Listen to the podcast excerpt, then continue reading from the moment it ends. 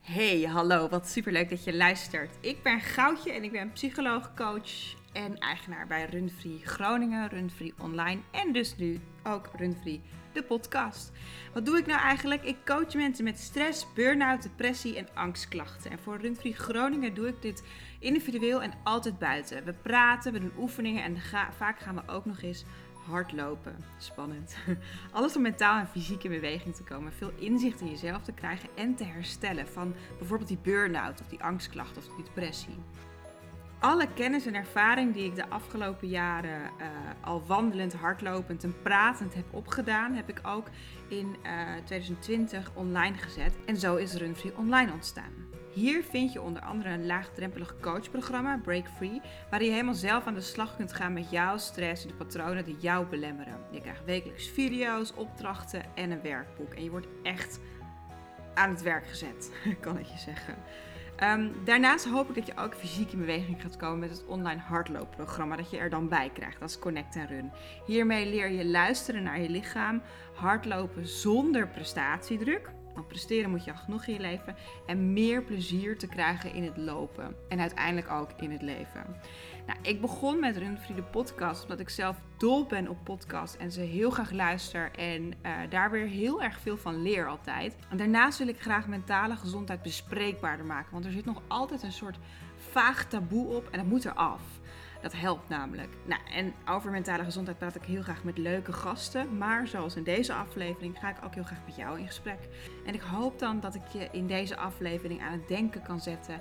Zodat je misschien zelfs vandaag nog in beweging gaat komen. Mentaal of fysiek. Heel veel luisterplezier. Hallo, welkom bij weer een kakelverse aflevering van Run jullie podcast. We gaan het vandaag hebben over grenzen stellen. En ik hoor heel vaak het volgende ik moet echt leren nee zeggen of ik moet echt leren mijn grenzen aan te geven. Waarop ik altijd zeg, nou dat lijkt me een goed plan, maar weet je eigenlijk al waar je grenzen liggen? En heel vaak is het antwoord dat we dat eigenlijk niet zo goed weten. Dat we zelfs heel grenzeloos zijn. Dat we geen idee hebben waar onze eigen grenzen liggen. En dat we daardoor dus steeds over die grenzen heen gaan of laten gaan door anderen. Dus laten we daar vooral mee beginnen. Eerst je grenzen voelen en dan pas je grenzen stellen dan pas nee durven zeggen. Dus ik begin bij jou. Weet jij al waar jouw grenzen liggen en wanneer je ze dus moet stellen?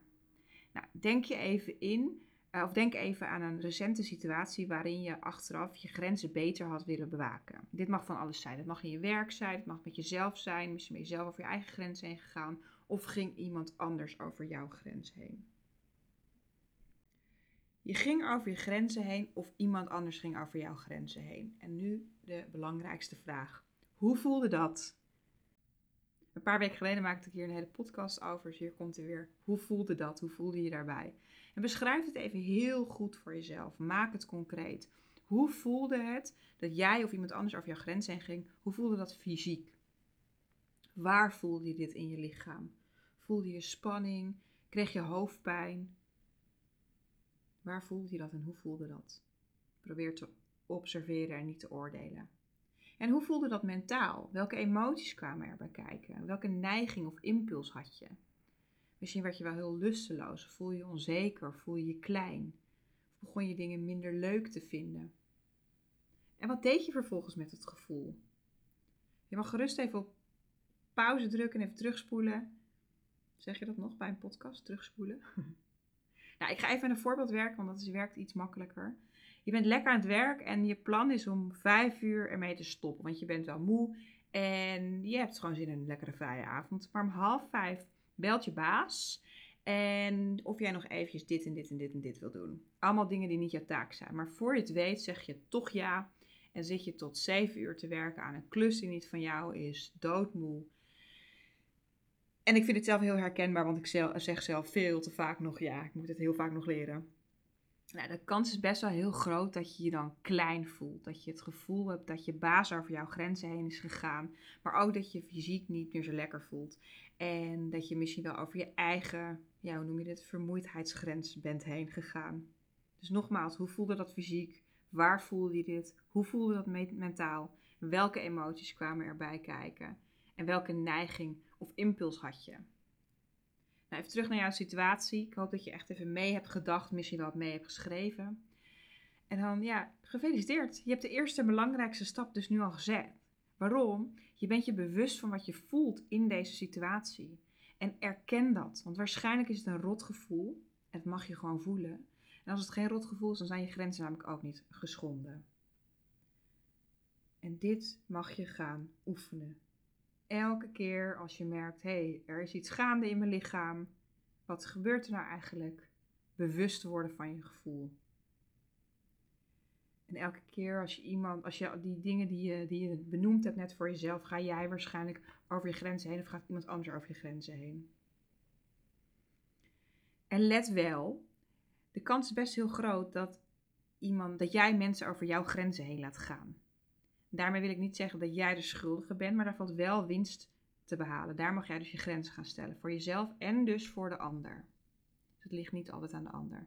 Nou, dit leren luisteren naar je lichaam, het herkennen en erkennen van je gevoel, beslaat ehm, het hele eerste deel van mijn Break Free programma, mijn online coach programma.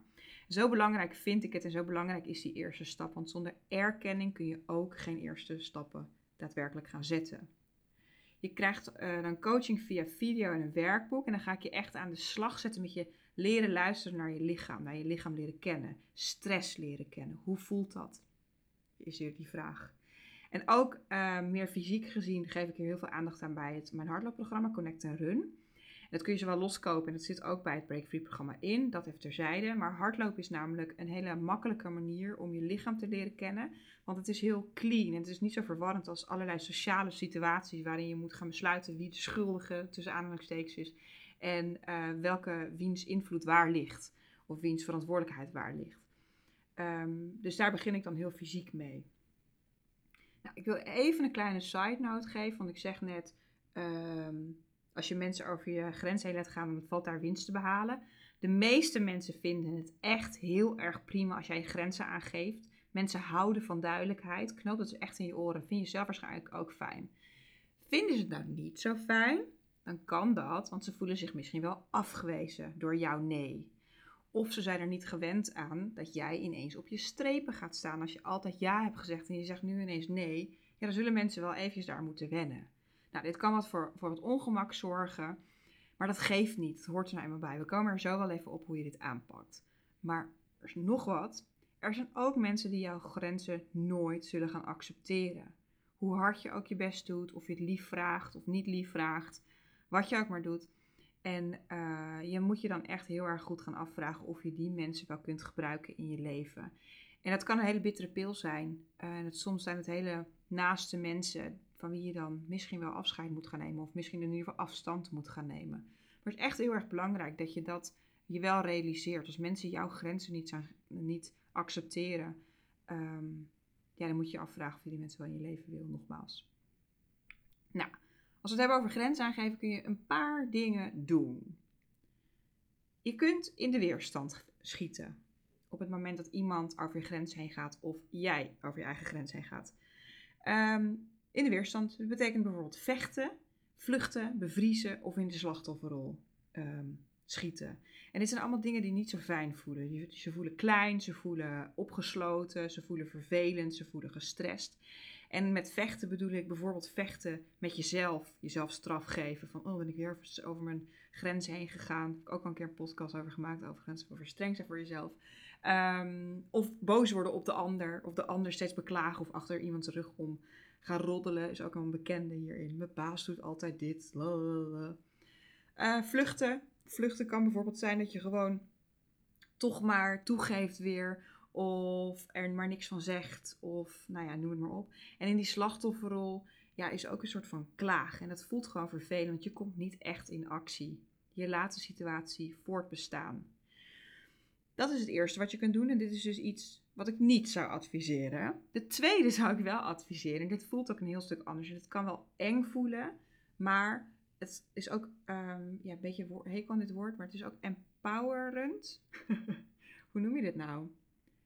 goed. Veranderen. Je kunt de situatie ook veranderen. Door bijvoorbeeld voor jezelf op te komen, door het gesprek aan te gaan. Of te bedenken wat je de volgende keer anders kunt doen. Of op een situatie terug te komen. Nogmaals, dit kan best wel eng zijn. Uh, en het kan even een hogere drempel zijn. Maar dit kan je heel veel opleveren. Want je gaat, bent daadwerkelijk aan de slag met jezelf. Nou, en dan is het derde. Deze zou ik ook aanraden. Uh, soms kun je een situatie niet veranderen. Of is het kwaad al geschied. Um, probeer dit dan te accepteren. En probeer dan te leren voor de volgende keer. Nogmaals, boos zijn, klagen, jezelf straffen, de ander straffen, heeft allemaal zo weinig zin. En accepteren is niet altijd leuk. Dat klinkt soms heel halleluja. Het is niet altijd leuk, maar je legt je er dan wel bij neer. En gaat verder met je leven. Dus drie dingen. In de weerstand schieten, niet aan te raden. De situatie veranderen, zeker wel aan te raden. Of accepteren als de situatie niet te veranderen is, is ook aan te raden. Nou, even naar de praktijk terug. Bekijk je eigen situatie die je nou in het begin hebt omschreven voor jezelf. Bekijk die nog eens met een afstandje. Wat kun je leren? Waar heb je zelf invloed op? Wat kun je de volgende keer anders doen? Hoe eng is dit? Of wat zou je een lieve vriend of vriendin in dezelfde situatie adviseren? En check dan nog eens, ben je ook nu te streng voor jezelf? Ben je dat? Nog een keer overnieuw. nou, de conclusie is eigenlijk ook hier geldt weer dat het begint met bewustwording, met voelen. Erkennen en herkennen van je gevoel. Dat is zeker spannend en ook niet per se makkelijk, maar ook jij kunt dit. Ook jij hebt dit lef. Ook jij mag die ruimte gewoon pakken. Zolang je maar leert naar je gevoel te luisteren en kleine stapjes durft te nemen in dit proces. En laat je niet afleiden door de mensen die zich ineens rot schrikken omdat jij ineens voor jezelf opkomt. Lach daarom, wees trots op jezelf, neem ruimte en leer. Ik hoop dat je gemotiveerd bent om, jezelf, om meer voor jezelf op te komen en het ook aandurft om eerst te leren waar je, grenzen liggen voor, waar je grenzen liggen voordat je je grens gaat stellen. En dit vergt dus werk, dit, dit vergt oefening en geduld. Maar ik hoop dat je het een waardevolle aflevering vond. Deel hem dan met anderen als je dat vond. Uh, bijvoorbeeld op Insta Stories. En vergeet me vooral niet te taggen, want dat vind ik echt super leuk. Uh, en ook kun je een review en sterretjes achterlaten in de iPhone podcast app. Zo help je mij en anderen met de, met de zichtbaarheid van deze en andere podcasts. Hey liefs en tot de volgende!